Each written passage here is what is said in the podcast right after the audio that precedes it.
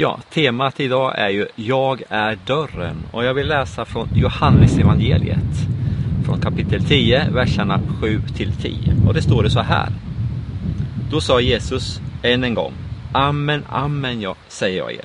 Jag är dörren till fåren. Alla som har kommit före mig är tjuvar och rövare, men fåren har inte lyssnat till dem. Jag är dörren. Den som går in genom mig ska bli frälst och han ska gå in och gå ut och finna bete. Tjuven kommer bara för att stjäla, slakta och döda. Jag har kommit för att de ska ha liv, ja liv i överflöd. Det finns lite olika bibelöversättningar och eh, i det här sammanhanget så står det om dörren. I vissa står det porten eller grinden och jag stannar just vid det här dörren, det här uttrycket kan man ju fundera på, vad är en dörr egentligen? Vad är en dörr?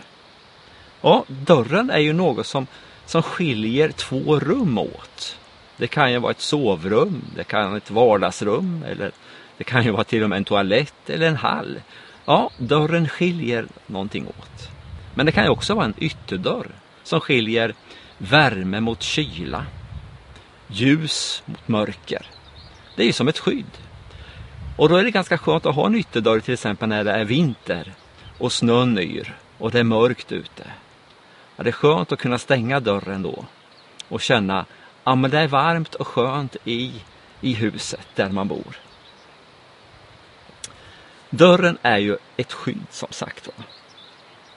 Och eh, i, i, eh, i huset eller i lägenheten där man bor, det är ju alltså en, en trygghet. När man ser en dörr, ja, men vad, vad finns bakom den? Det vet man ju inte förrän man har öppnat den. Det kan ju vara en, en liten, ja, kan vara en liten garderob bakom en dörr.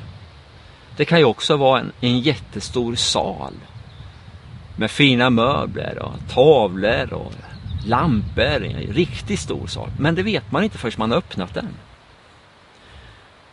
Till exempel som jag pratade om förut, en ytterdörr. Jag menar det kan ju vara solsken, det kan vara värme utanför. Det kan ju också vara gemenskap, människor. Det kan också vara en underbar plats. Men det vet man inte förrän man har öppnat dörren. Jesus säger, jag är dörren. Den som går in genom mig skall bli frälst. Han ska gå in och gå ut och finna bete. Jesus är dörren. Dörren till vad? Ja, jag skulle vilja säga, han är dörren till Gud. En kontakt, en koppling mellan Gud och människan. Jesus, han är den här dörren. En dörr har ju ett handtag på sig. De flesta har ju det. Och, eller rättare sagt alla. Och jag måste ta tag i handtaget. Jag måste öppna dörren för att komma in i den. Och det handlar om att om man utgår från det här med Jesus, att han är dörren. Så betyder det att jag tar tag i handtaget. Det betyder att jag tror på dig Jesus. Jag, jag vill följa dig. Jag vill vara, vara din eh, lärjunge. Jag vill bli en kristen. Och när jag gör det så förlåter han mig. Utifrån vad Jesus har gjort på korset så, så, så förlåter han mig. Jag är ren och det är så gott att veta det. När jag har tagit det beslutet att öppna dörren, ta tag i handtaget, öppna den så, så, så vet jag att jag, jag är förlåten. Jag är frälst, jag är räddad som det står. Och eh, när jag väl har gått in så vet jag att jag är förlåten. Men så finns en ond makt, djävulen, som försöker ja, säga, ja men Mikael, du är ju, du, bara gör tokiga saker. Hur kan Gud förlåta dig? Det är bättre att du lämnar Gud. Men då vet jag utifrån vad Bibeln säger att jag är förlåten. Jesus har förlåtit mig och jag får vara hans barn. Utifrån detta. Och eh, det är det som händer när jag öppnar den här dörren som är Jesus. Och Jesus vill ju verkligen att jag ska öppna dörren. Han älskar ju mig och vill ha gemenskap med mig. Men här är också viktigt att det är ett aktivt val. Du måste själv ta tag i dörren och öppna den. Det, det, det, handlar inte om att om du kommer nära dörren så sugs du in där som ett eh, slukhål. Nej, det är inte på det sättet. Utan det handlar om att när du gör det här valet så kan du öppna dörren. Och det är det handlar om. Vad var det stod mera? Jo, jag är dörren och den som går in genom mig ska bli frälst. Och det är de sakerna vi har stannat vid lite grann. Men så står det också att han ska gå in och gå ut och finna bete. Både gå in och gå ut. Ja, kort, enkelt kan man säga, det handlar om frihet. Skulle det bara vara som så att jag bara kom in i rummet och inte kunna komma ut, ja men då är det nästan som att eh, man blir inlåst. Eller till och med en, som en fängelsecell. Nej, jag ska kunna gå in och gå ut. Det är lika så om jag skulle gå ut och inte kunna komma tillbaka. Nej, men det är också fel. Därför utifrån det här så, så, så talas det om friheten. Friheten, att vara Guds barn. Att Jesus älskar mig. Man kan också tänka på att eh, ja, jag kommer in genom dörren så kan jag få gå ut till människor sen och berätta vem man är.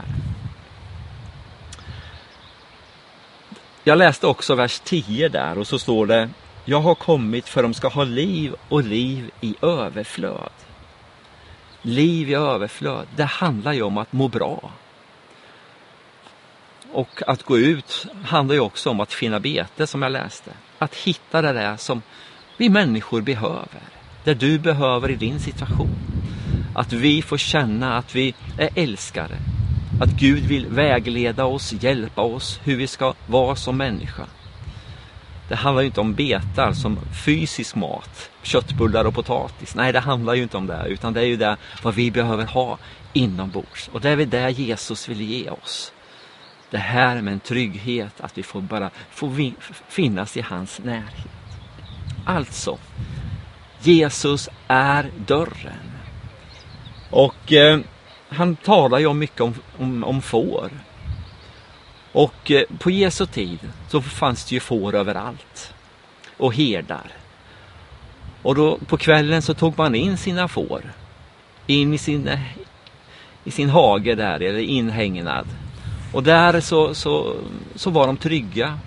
Det fanns ingen som, inga djur, rovdjur eller rövare eller tjuvar som kunde komma åt dem. Nej, var de trygga där.